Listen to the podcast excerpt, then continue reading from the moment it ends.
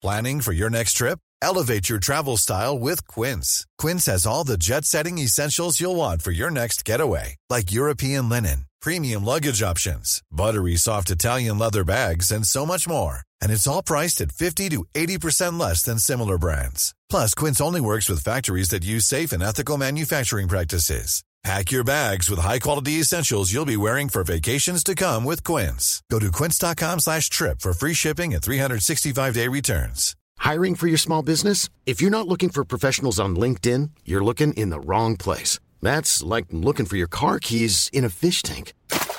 LinkedIn helps you hire professionals you can't find anywhere else, even those who aren't actively searching for a new job but might be open to the perfect role. In a given month, over 70% of LinkedIn users don't even visit other leading job sites. So start looking in the right place. With LinkedIn, you can hire professionals like a professional. Post your free job on linkedin.com slash people today. Wow. Nice. Yeah. What you're hearing are the sounds of people everywhere putting on Bombas socks, underwear, and t-shirts made from absurdly soft materials that feel like plush clouds. Yeah, that plush. And the best part? For every item you purchase, Bombas donates another to someone facing homelessness. Bombas. Big comfort for everyone. Go to bombas.com slash ACAST and use code ACAST for 20% off your first purchase. That's bombas.com slash ACAST. Code ACAST. Bak scenen med Trond Harald Hansen. Lykken er din og min. Helt siden tidlig barneår har Hanne Krogh underholdt oss nordmenn. Fra Melodi Grand Prix i 1971 til turné med datidens store artister, til selv å bli en av våre største og mest folkekjære artister. I denne første episoden skal vi høre om Hannes barndom og tidlig karriere fram til midten av 80-tallet. Jeg heter Trond Harald Hansen, og dette er Bak scenen.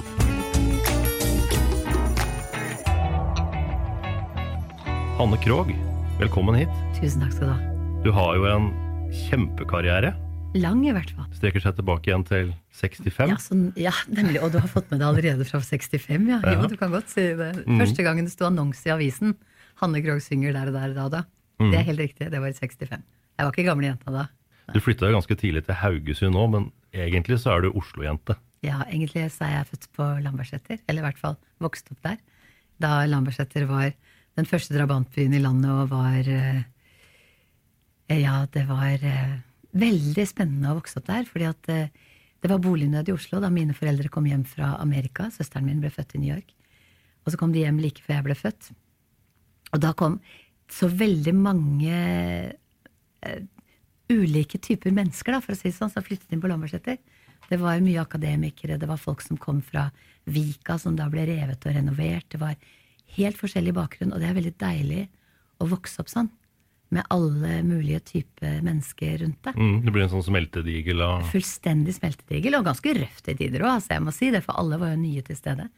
Eh, Det er mange morsomme historier fra jeg var liten og alt hva som skjedde på Lambertseter, men jeg har et stort bankende hjerte for det stedet jeg vokste opp. Jeg bodde der bare ja, jeg, Vi var veldig mye fram og tilbake, da, fordi at det var litt kaotisk eh, livet vårt i den tiden. Så vi flyttet liksom Eller mor tok ofte oss jentene med hjem til Haugesund, til sin hjemby. Eh, For jeg hadde jo en farmor som jeg egentlig har snakket om før, som var ganske spesiell. Så hun man måtte liksom bare litt puste litt unna henne av og til. Men eh, jeg flyttet også det året jeg ble seks, for da ble foreldrene mine skilt.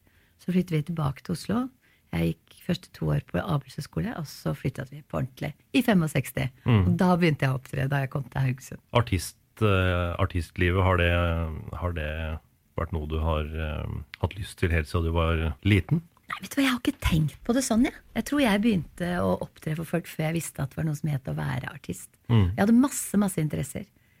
Alltid hatt masse interesser. Jeg tror Da jeg bodde i Haugesund, var jeg på Jeg hadde sånn tre aktiviteter hver dag. Det være seg speideren. Der ble jeg kasta ut, forresten. Jeg vet ikke helt hvorfor.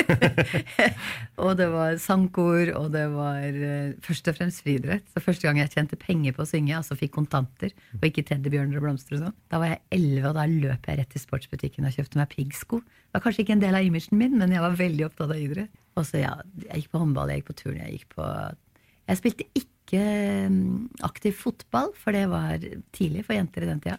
Men jeg var eneste jenta på gatelaget i fotball. Det var ganske stilig bare det. Så jeg holdt liksom på med alt mulig. Sang var bare en av alle tingene jeg gjorde. da. Skoleavis og elevråd og ja. Du kan, du kan se situasjonen Kanskje det er noen bokstaver der. Jeg har aldri tenkt på det, men det er mulig det er noen bokstaver der. Ja. Så ja, nei, jeg har aldri hatt sånn at jeg har drømt om noe, egentlig. Jeg har bare Istedenfor å drømme, så har jeg gjort, tror jeg. Og det er to forskjellige ting. Så blir veien til bare mens du går. Ja, jeg hadde egentlig aldri tenkt å bli sanger. Det var bare noe jeg gjorde.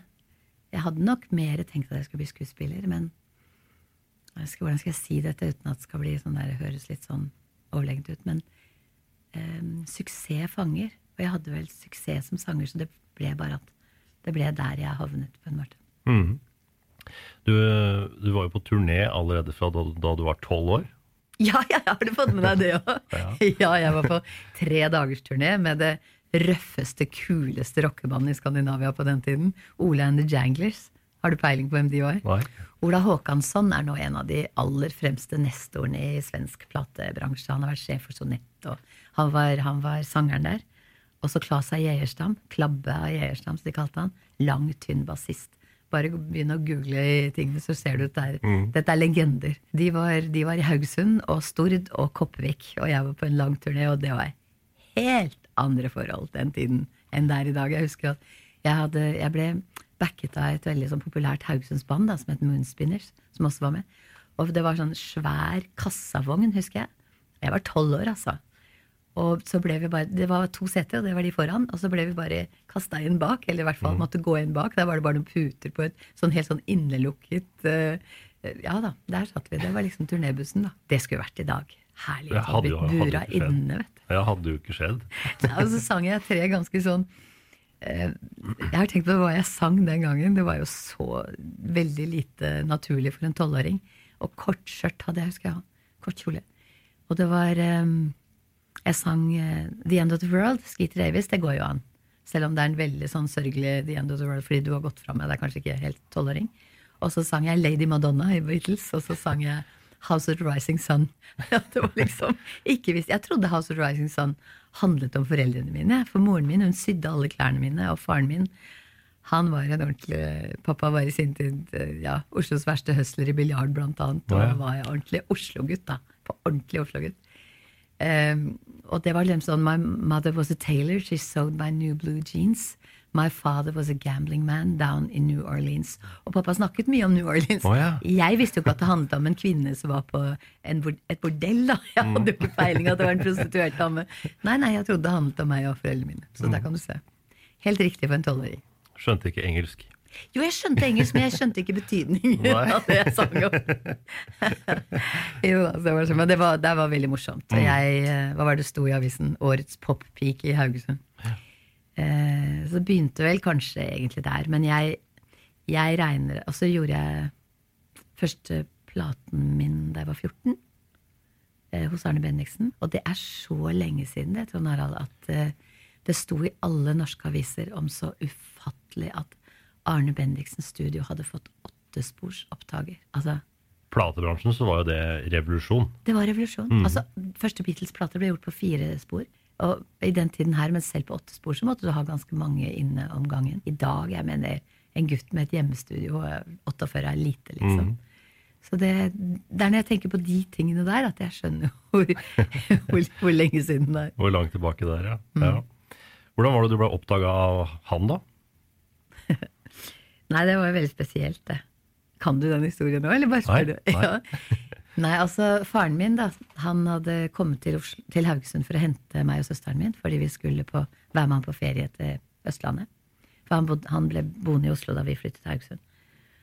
Og, og pappa hadde faktisk alltid sagt at nei, ja, han er god til å synge da, hun er god til å lese, sa pappa. For jeg begynte så fryktelig tidlig å lese. Jeg var vel fire år da jeg leste avisen, sa de. Men jeg eh, Men nei. Men så ble det åpnet, akkurat da han var der, og for å hente oss, så skulle de åpne et nytt hotell i Haugesund. Det som i dag heter Maritim hotell, hvor de har Amanda og sånn. Det het La Mer den gangen. Og jeg skulle synge ved åpningen. Og så kom pappa og hørte på det, og da sang jeg også en veldig typisk sang for en 14-åring. You don't have to say you love me, just be close at hand. Og da tror jeg han har bestemt seg. Å, filler'n, jenta kan synge. Så da vi kom til Oslo, så uten at jeg visste det, så hadde han ringt til Arne Benningsens studio og sagt at uh, jeg måtte få komme og prøvesynge. Så sa han nei, da må hun sende inn en demokassett, eller hva det var, demoteip. Og så sa han at dere Ja, han var god til å selge, pappa, da. Han var en, en rå selger. Han kunne selge Sanne Sahara. Så han klarte å selge datteren sin inn til å komme til prøvesynging òg. Så da kom jeg og prøvesang da, oppe i Esterdalsgaten 1, hvor de hadde studio da.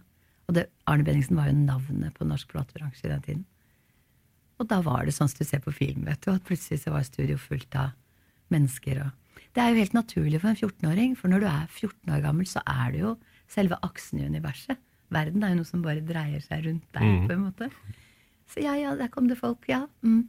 Og så tror jeg at jeg gjorde, spilte inn første singelen min enten dagen etter eller to dager etter. Såpass nært, ja. Ja. Mm. Så det var den første, og det var selvfølgelig sånn Grand Prix, i hvert fall de første 30-årene, 20-årene av mitt, min karriere, så, så gikk jo det som en rød, eller skal vi si rosa tråd gjennom karrieren min. Så det første var også en oversettelse av en Det var det årets engelske bidrag til Grand Prix. Knock Knock Who's There. Lukk opp min dør. Og gikk inn på de ti beste norske. Men, mm. men ja, ja. jo, når jeg hører den nå, så tenker jeg å, ok, da. ok da. Jeg kan tilgi meg selv når jeg hører det. Det var jo også han som skrev eh, bidraget som du deltok med i 71. Ja. Mm. Og det, Lykken er. det er for meg liksom starten. Sånn den egentlige starten. Sånn i den store nasjonale spotlighten. For det året var det tolv komponister som var delt, invitert til å delta. Så han valgte å skrive den sangen til meg, da. Som jo, eh, som jo vant eh, Norske Grand Prix det året der. Så er vi kommet frem til tolvte og siste sang. Den har bokstaven L. Tekst og melodi er skrevet av Arne Bendiksen. Arrangementet er ved Egilmond Iversen. Og Hanne Krogh synger 'Lykken er'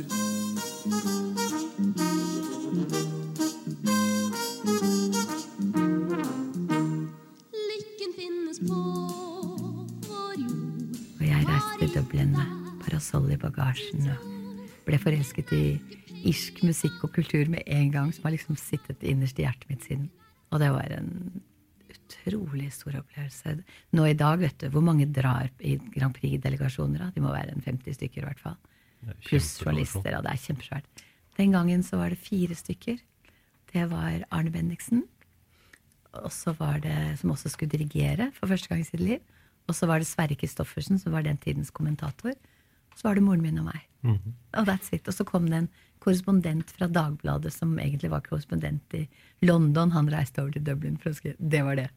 Og det viser jo også hvor lenge siden det er siden, egentlig. Men det var, det var før og etter i mitt liv. Kanskje det største steget jeg har tatt i forhold til, i forhold til yrket mitt. Hvordan er det å gå fra å være kjent lokalt i Haugesund da, til at plutselig nå vet hele landet hvem du er?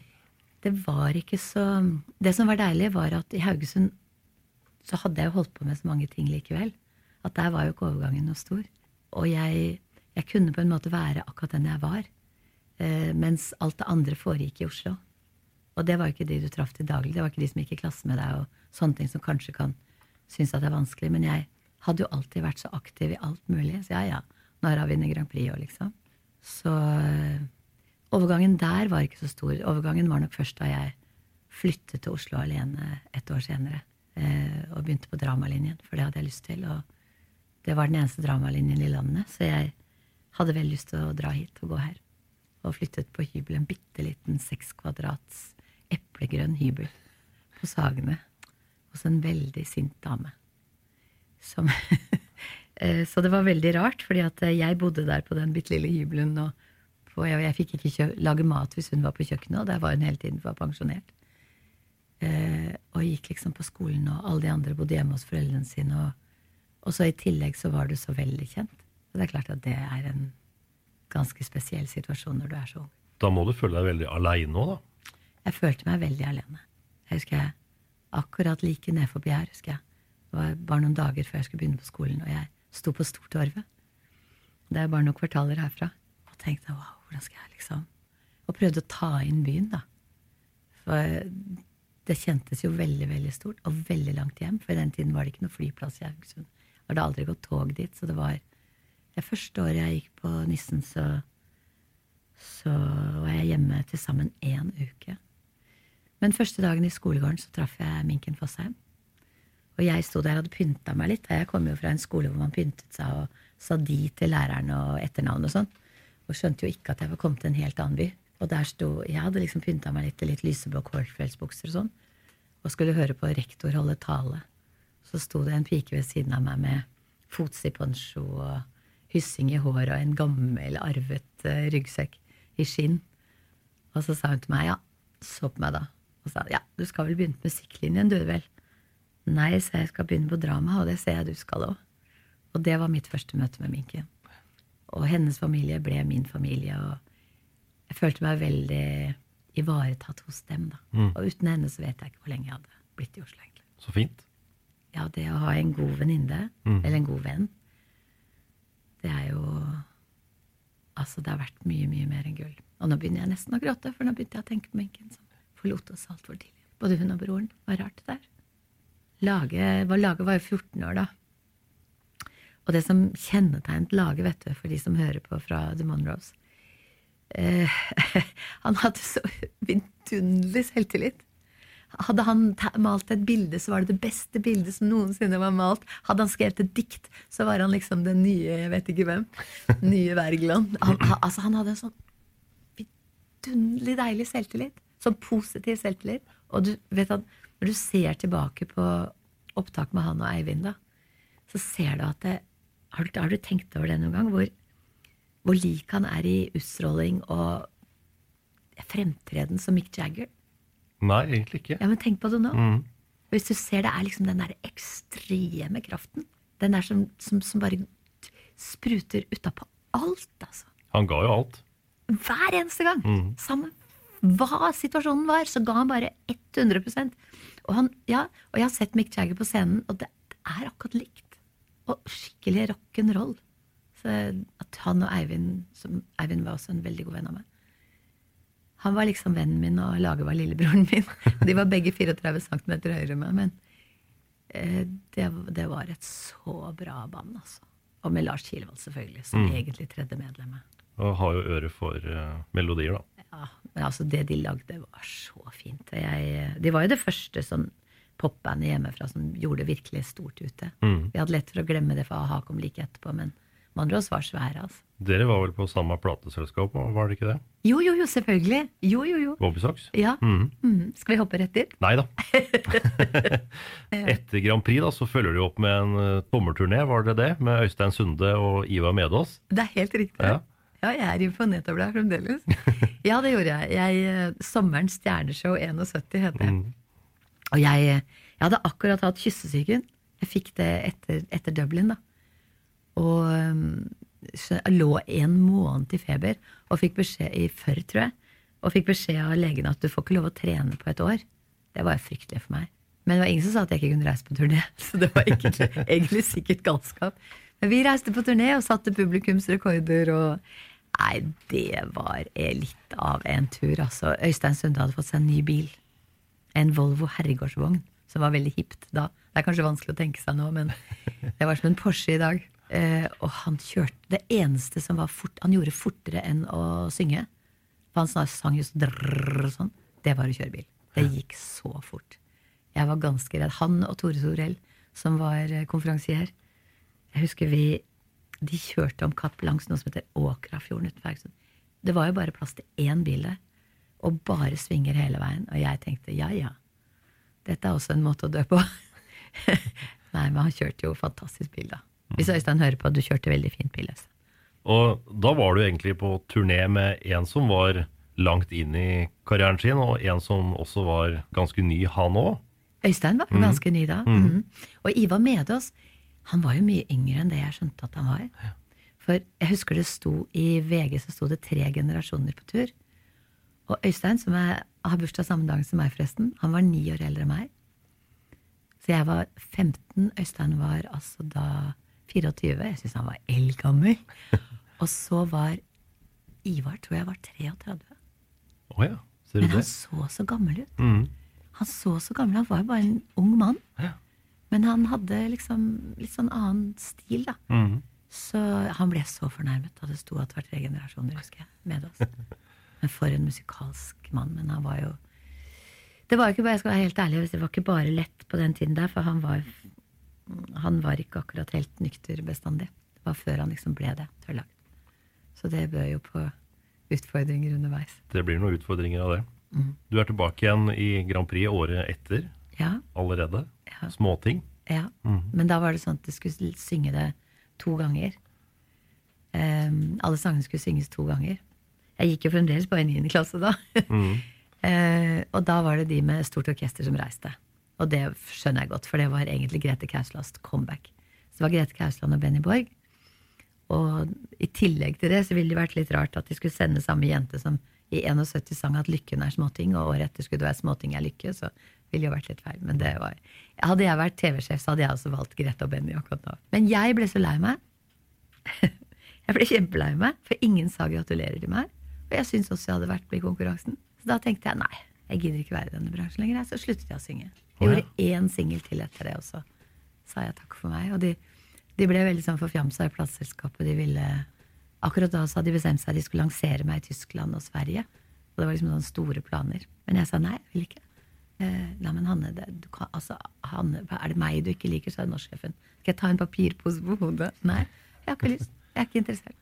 Så sluttet jeg å synge, og så begynte jeg på Dramalinen på Nissen. Og så, sang jeg ikke, så begynte jeg ikke å synge for ordentlig igjen før i 79. Men det er veldig modig, det, da. Bare, bare sette av strekk. Nei, dette gidder jeg ikke. Eh, Ja, egenrådig i hvert fall. Mm. Ikke sant? Men når du er ung, så syns du det er naturlig kanskje at folk prøver å overtale deg. I dag så ser jeg jo at det var egentlig ganske spesielt. da. Jeg tror kanskje, Mor har alltid sagt til meg at fra jeg var liten at du kan få Hanne til å gjøre hva som helst, bare du ikke bestemmer over henne. Så hvis ikke de hadde prøvd å bestemme, så kanskje jeg hadde blitt med òg. Men jeg liker ikke å bli bestemt over. Nei. Kanskje motsatt av imagen, det òg. Hvem har pels så fin og så bløt og går på jakt om natten og liker melk og fløte og grøt? Jo, det er katten. Og hvem er sint på ku og på katt, men veldig snill i grunnen og passer huset dag og natt? Jo, det er hunden. Jeg gjorde et par TV-serier eller TV-programmer sammen med Torbjørn Egner, som tok med meg på Glade familie og muntre musikanter i teatervognen. Og, hvor Arve Oppsal var med, forresten, Oh, ja. som du sikkert har et sterkt forhold til. Absolutt. via Mot i brøstet. Arve Oppsal og Henki Kolstad og jeg var det første av de programmene. da. Og så kom noe som het Glade familie med Eva von Hanne. Og det var og, eh, Yukon Gjelseth. Det var veldig veldig bra folk med. Og det å få jobbe nært til egne syns jeg var veldig gøy. Mm. Arve Oppsal syntes det var helt I'm Sandra, and I'm just the professional your small business was looking for. But you didn't hire me because you didn't use LinkedIn jobs. LinkedIn has professionals you can't find anywhere else, including those who aren't actively looking for a new job but might be open to the perfect role, like me. In a given month, over 70% of LinkedIn users don't visit other leading job sites. So if you're not looking on LinkedIn, you'll miss out on great candidates like Sandra. Start hiring professionals like a professional. Post your free job on linkedin.com/people today. Hey Dave. Yeah, Randy. Since we founded Bombus, we've always said our socks, underwear, and t-shirts are super soft. Any new ideas? Maybe sublimely soft. Or disgustingly cozy. Wait, what? I got it. Bombus. Absurdly comfortable essentials for yourself And for those facing homelessness. because one purchased equals one donated. Wow, did we just write an ad? Yes. Bombas. Big comfort for everyone. Go to bombas.com slash ACAST and use code ACAST for 20% off your first purchase. Forferdelig. For jeg for Egner var fryktelig streng og veldig detaljorientert. Og sa nei, den setningen skal ikke ende opp, den skal ende ned. Og, og Arve Oppsal syntes det var helt forferdelig med noen som skulle begynne å detaljstyre hans ting. Selvfølgelig en stor skuespiller. Ja, ja, ja. Han han var helt- selv, han. Han var helt rasende. Mens jeg syns at det var veldig fascinerende, da. For det er noe med at når du får jobbe så tett på geniet, og det visste vi allerede at han var Og jeg husker de hadde laget sånne tunikaer som vi skulle ha på oss, da, vi jentene i Den glade familie. Med sånne ringer på. Eller sånne rundinger som var liksom fylt ut. Ja, samme. Jeg ser helt forferdelig ut i de klærne, men de, de skulle vi ha på oss. Og da, da kom han og så de tunikaene de hadde laget på kostymelageret, og sa nei, de rundingene var helt feil. De måtte lage dem på nytt, og så måtte han tegne de rundingene på. Oh, ja. Så han var ekstremt detaljstyrende. Mm. Og som sagt, veldig streng, men for meg var det fantastisk opplevelse. Det var et vennskap som faktisk besto resten av livet. Mm. Eh, Så det var Egner. Ja, Stakkars, jeg bare snakker, jeg. Du har kanskje Det er bare å snakke, det. For på den tida her så kommer du jo bare mer og mer inn i NRK. Ja, altså, men fremdeles så går jeg på Dramalinjen på Nissen. Mm. Og så fikk jeg et tilbud om å være med i en film mellom andre og tredje gym, som heldigvis har gått litt over i glemselens rike, som het Crash. Eh, og det sa jeg ja til. Det var litt sånn billig produksjon, men bra regissør og veldig bra produsent. Det var Vennerød. Ikke, ikke Petter, men faren hans. Og da mm, skulle jeg spille kjæresten til en gutt som kommer i en trafikkulykke og blir lam i den trafikkulykken. Så er det hans eh, kamp for å, for å akseptere dette, dette handikappet. I en motorsykkelulykke blir blir han lam. Og jeg som ønsket meg motorsykler fram til da etter det, så måtte vi, da vi forberedte den filmen, så måtte vi mange steder og snakke med mennesker som hadde vært utsatt for det. da, Unge mennesker. Så jeg oh, ja. la fra meg den drømmen om motorsykkel. altså det, det ble veldig lagt på hylla etterpå. Du fikk jo veldig respekt for hvor farlig det egentlig er, hvor utsatt du er på et sånn tohjuling. Men det hørtes jo ut som en veldig lite hyggelig oppladning til, til en innspilling. Ja, men det er veldig ålreit for at du skulle lære hvordan Mm. mennesker tenkte. og Egentlig veldig riktig. Mm. Det er en liten sånn rar anekdote rundt det, for, for selv nå hopper jeg litt til tid igjen, men liksom den viktigste, den der liksom turning point av filmen, den foregikk ute på en bitte liten sandstrand som regissøren vår kjente til fordi søsteren hans hadde hytte ved siden av det. På Brønnøya. Liten sandstrand hvor han, kameraten til han som er blitt ødelagt, da, han får et eller annet illebefinnende, så han, han, som, han som har blitt lam, han klarer allikevel å redde han inn. ja. Det var i hvert fall sånn turning point, og jeg var også der. I bikini, husker jeg. Og da Elisabeth, veldig mange år senere, ved tilfeldigvis kom over en hytte som hun kjøpte på Brønnøya. Og jeg kom ut dit og så sammen. Ja, Elisabeth, det er jo min strand. Det var her vi spilte inn. Og det er sånn fem ganger fire meter, altså. Så det er mange sånne punkter mellom Elisabeth og meg. Så det var helt tydelig at vi bound to meet. Eller. Men eh, det var liksom, det var den filmen. Så kom tredje gym. Og da hadde jeg tenkt å søke teaterskolen. Da, på, det var liksom sånn på vårparten da vi gikk i tredje gym.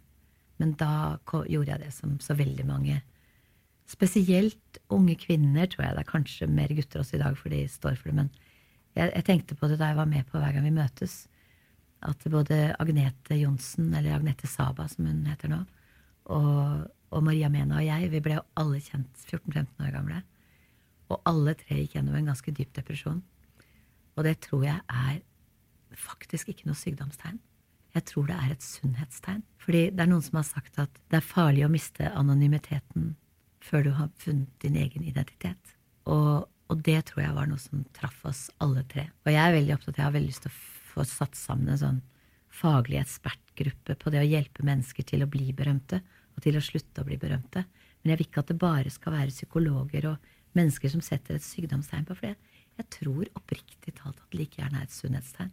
Man trenger bare å få litt faglig coaching og hjelp til å komme forbi det, det punktet. da. Men ja, vi er tilbake igjen i tredje gym.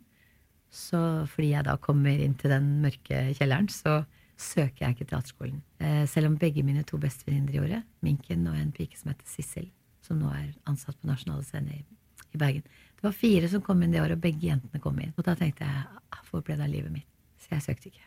Det, jeg, det var drømmen min. Å begynne med teater. Det var drømmen. For teater og litteratur var på en måte mine hovedinteresser. da. Så kommer da høsten, og jeg begynner å studere forberedende og litteratur samtidig. Mens jeg jobber på et lite kontor på Grünerløkka for å tjene penger ved siden av. Og ser på disse venninnene mine som går på Teaterhøgskolen hver dag. Og var veldig villredd. Hva skal jeg gjøre med livet mitt? Og skal jeg fortsette med litteratur, eller hva skal jeg? også? Det er det siste dagen på jobben før jul. Og det er så iskaldt, husker jeg, på det lille kontoret. Jeg er der helt alene. Jeg hadde jo ikke noe telefon hjemme. Men det var jo telefon der, da. Så ringer telefonen akkurat like før jeg skal gå fra jobben. Skal bare hjem, hente kofferten min og ta flyet. For da er det kommet fly til Haugesund i 75. Og så ringer de, og så da er det som om det daler en stjerne inn i det iskalde rommet. For da er det en mann som sier 'god dag, dette er fra norsk film'. Og kunne du tenke deg å komme og prøvefilme til rollen som Sonja i 'Reisen til julestjernen'? Og jeg føler virkelig altså at det var som når, når den stjernen viser seg på himmelen for Sonja, vet du. Akkurat sånn var det for meg. Eh, og det var Så jeg utsatte den reisen hjem. Og dagen etter allerede var det prøvefilming. Og jeg tar trikken ut til Jar, og det er en sånn eh, Sånn som vi, da vi bodde i Haugesund fremdeles, Lisbeth, søsteren min og jeg, så hver, dag, hver gang det var sånn iskald dag, vet du, men med knall solskinn, men ingen skyer, så det er iskaldt, men det er bare helt klart og helt blått. Og så var det akkurat sånn dag, og det lå sånn fin sånn is på alle sølepyttene som knaste når de gikk på det. Ja, det er de fineste dagene jeg vet. Akkurat sånne dager. Jeg tok trikken ut i Jar, og så gikk jeg fra stasjonen og ned til norsk film. som jo var det eneste filminstituttet i landet. Mm. Og så er det sånne store dører inn til den. Og jeg gikk gjennom de dørene. Da da gikk jeg inn i eventyret. Og det er akkurat det øyeblikket på vei inn. Det er alltid det største.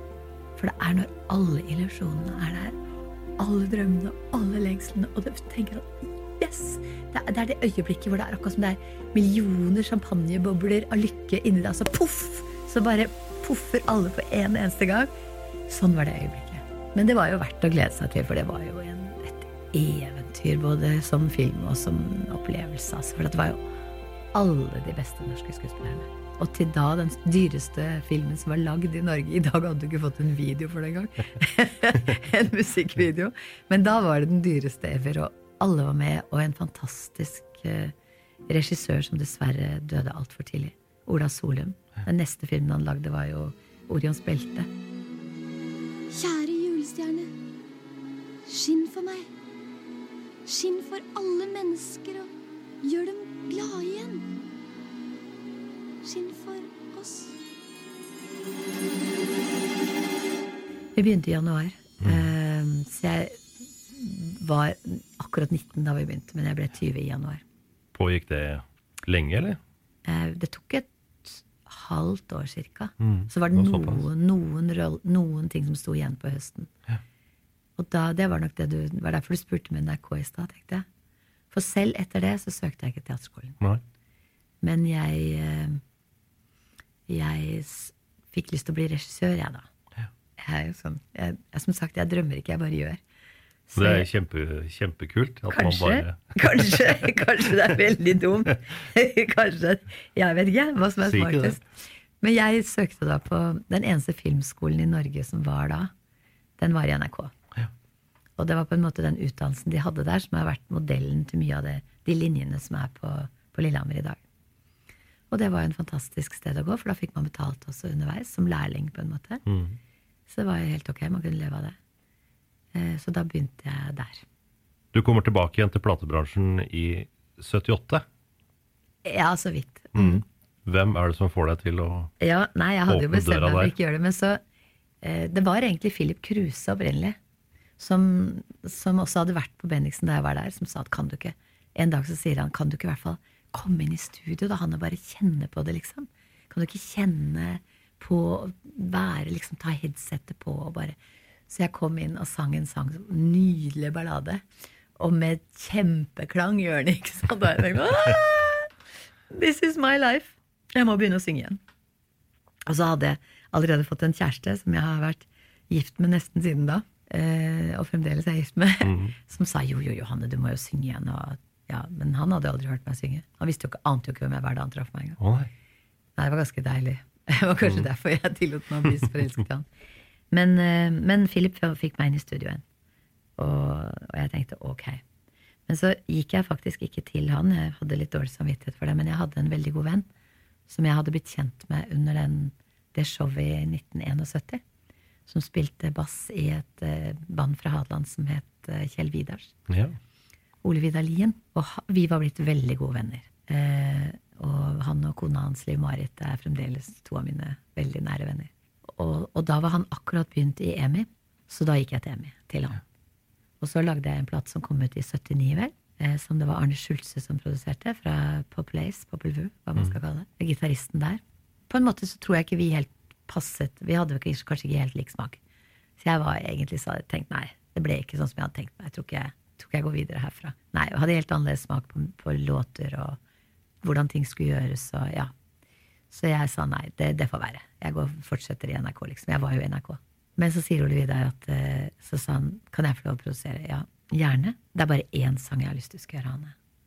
Vær så snill, kan du ikke bare synge inn den? Den var ikke så veldig kjent i Norge på den tiden. Det var en svensk sang opprinnelig, eller finsk-svensk. Og så gikk jeg i studio og spilte inn en singel, da. Og det var Høstvise. Skynd deg nå, elskede, skynd deg å elske. Og den kom jo da i, ut i 1980. Og det ble den mest ønskede sangen i Ønskekonserten i 1980. Og så- Nærbilde. Nærbilde, ja. Mm. Og så kom jo Kjerkestine, som vel man også kan si ble en ganske stor hit. Selv om det er en sang jeg har gjemt litt mer unna enn Høstvise etterpå. Ja. Og så var jeg i gang igjen. Og så, så lagde jeg syv album på fem år eller sånt. Nærbildet har jo vært såpass ettertrakta på CD nå at Christer Falk har jo Ja. produsert opp et lite eksklusivt Det var veldig morsomt, det. Ja, Det som man kaller norske albumklassikere. Ja. Der har det kommet mye bra. Mye stilig Ja, det er, som de det er veldig, ikke har hatt. veldig morsomt at Christer Falk gjør det. Mm. All ære til at han gjør det, altså. Ja, det er altfor mye som ville blitt glemt bort på vinyl. Jeg, jeg er veldig glad for at han har gjort det. Søren heller, jeg må få skaffet meg noen av dem. Ja, nei, jeg syns det er veldig morsomt at nærbildet har kommet ut. Det er jo litt sånn et par litt sånn rare sjanger der også. Som jeg også er så, Du vet, når man spiller en plate for noen, og så kommer man til det sporet hvor man liksom 'Du, har du lyst på kaffe, eller har du lyst til å bli med til å lage den kaffen?' Bare glem det sporet. Det er et par sånne på den også. Men det er jo et veldig fint tidsbilde på hvordan tida var da, da. Ja, det er det. Og det er Ole Vidar som har produsert. Og jeg husker Høstvise, akkurat den dagen vi skulle spille inn det. Det var gamle Roger Arnoff studio, som nå dessverre ikke fins lenger. For der er det bare blitt et var liksom sånn i bakgården bak der i St. Olavs gate. Det var et av de mest sånn velrenommerte studioene. Og så kom det en innom og begynte å liksom skulle gi meg gode råd, en dame. Og jeg ja, du, Selvfølgelig, jeg har også temperament. Du er ikke artist hvis ikke du har temperament. Og jeg bare ble så provosert av henne. Så Ole Vidar bare så på meg og sa at nei, nå får vi bare Så han sa han, vi, vi, vi, vi, vi, vi, vi venter med dette, vi tar dette i morgen, vi. Mm. Jeg vil akkurat synge en høstvise. Nei! sa jeg, jeg skal gjøre det nå! Og jeg gikk inn, og jeg var så sint at jeg hadde full kontroll. Blir du sånn at du blir helt sånn skjerpa i hodet når du, når du blir sint nok? Det kan slå begge veier. Jo, men jeg, da blir jeg veldig sånn iskald i hodet, da. Så jeg gikk inn, og så er det faktisk Og dette var jo før autotune, og før du kunne skyve ting rytmisk, og før du kunne gjøre noen ting, nesten. Og det, det taket det er faktisk et one take. Mm. Det er tatt derfra. Og du kunne ikke bare fly over refrengene eller sånn. Nei da, det er et one take. I bare sinne. Det er kjempegøy. I bare sinne. Og jeg høres jo ikke sint ut akkurat. Skynd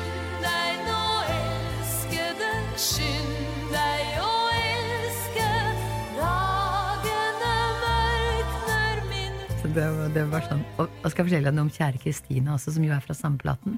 Husker du Asa Krogtoft? Vet du hvem han var? Ja, han hørt. Han som var i One to Six med Graveyard Paradise. Mhm. Han var liksom det mørkeste mørke, kuleste kule. Han har skrevet den teksten. Oh, ja. Og nå outer jeg han, fordi at uh, han skrev under pseudonym.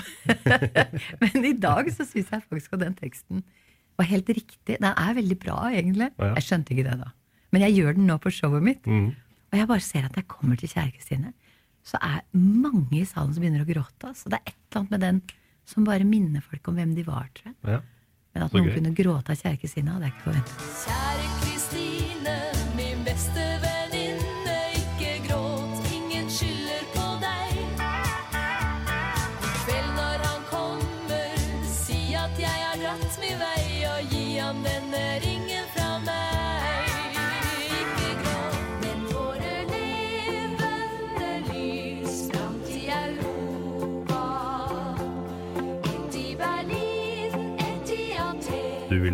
Utgi låta 'Levende lys'.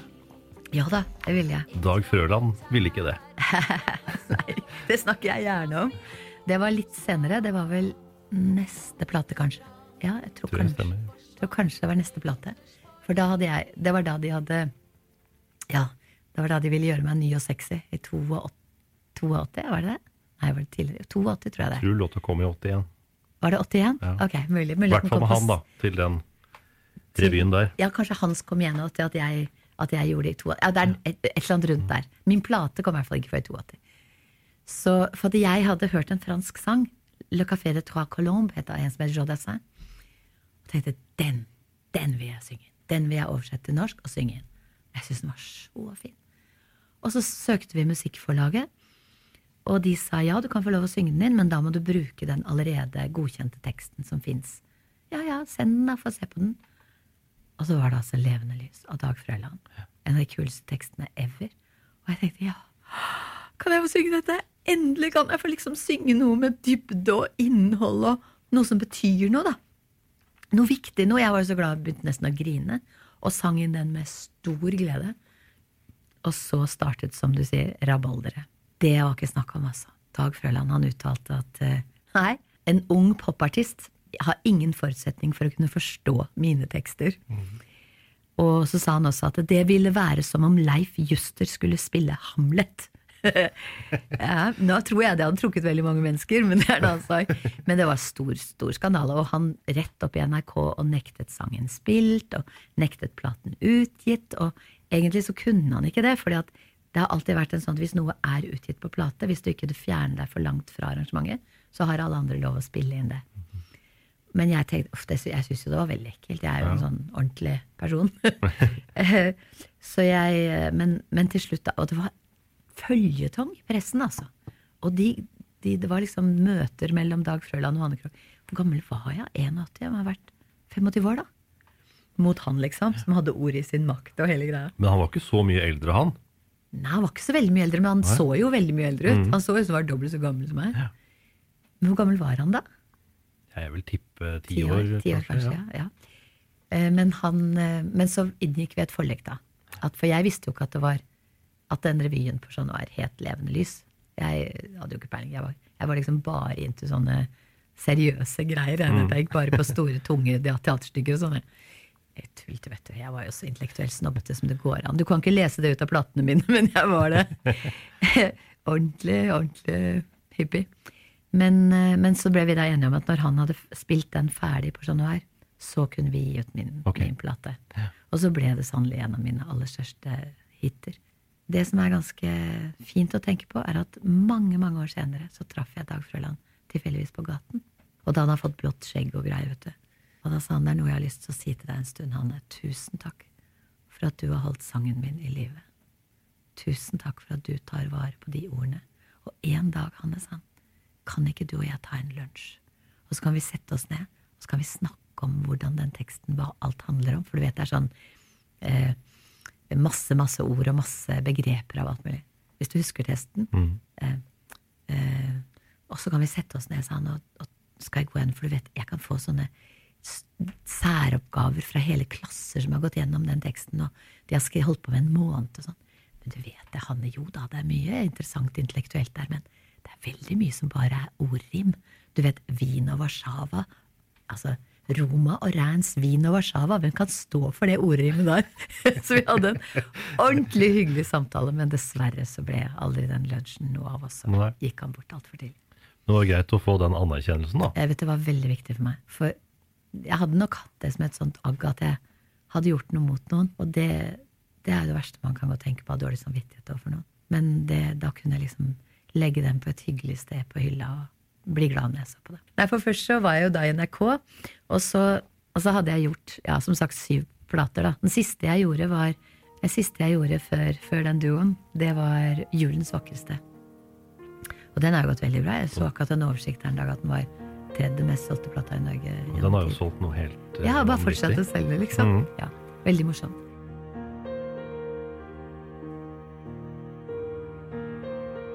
Og jeg husker da, da fotografen fra VG, faktisk, eh, som, som tok det Han, eh, han Jeg sa til han, du, vi må ta et bilde som er helt tidløst. For jeg har tenkt at denne platen skal aldri Hvis den ikke er moderne, så er den aldri umoderne heller. For jeg har tenkt at den, tenkt at den skal selge i mange år. og du snakker om eh, om Det gikk liksom troll i jord. Og dessuten så hadde Arne Bendiksen like før den platen Han bygde nytt studio i Østerdalsgata. Og de engelske teknikerne og ingeniørene som var der og bygget det, de sa til meg Are you gonna do the first album here? Ja, sa jeg. Lucky you, sa de. Fordi eh, i alle de studioene vi har bygget, den første platen som har blitt laget der, har blitt en huge suksess. Så tenkte jeg, det gikk jo. Det gikk jo, det ble jo sånn. Eh, en plate som jeg fremdeles er ganske glad i. Du har hørt den første av i alt to episoder om Hanne Krogh. I neste episode så starter vi rett i Bobbysocks-perioden, som fører oss inn i Melodi Grand Prix og Eurovision Song Contest i 1985. Jeg heter Trond Harald Hansen. Tusen takk for at du lytter til Bak scenen.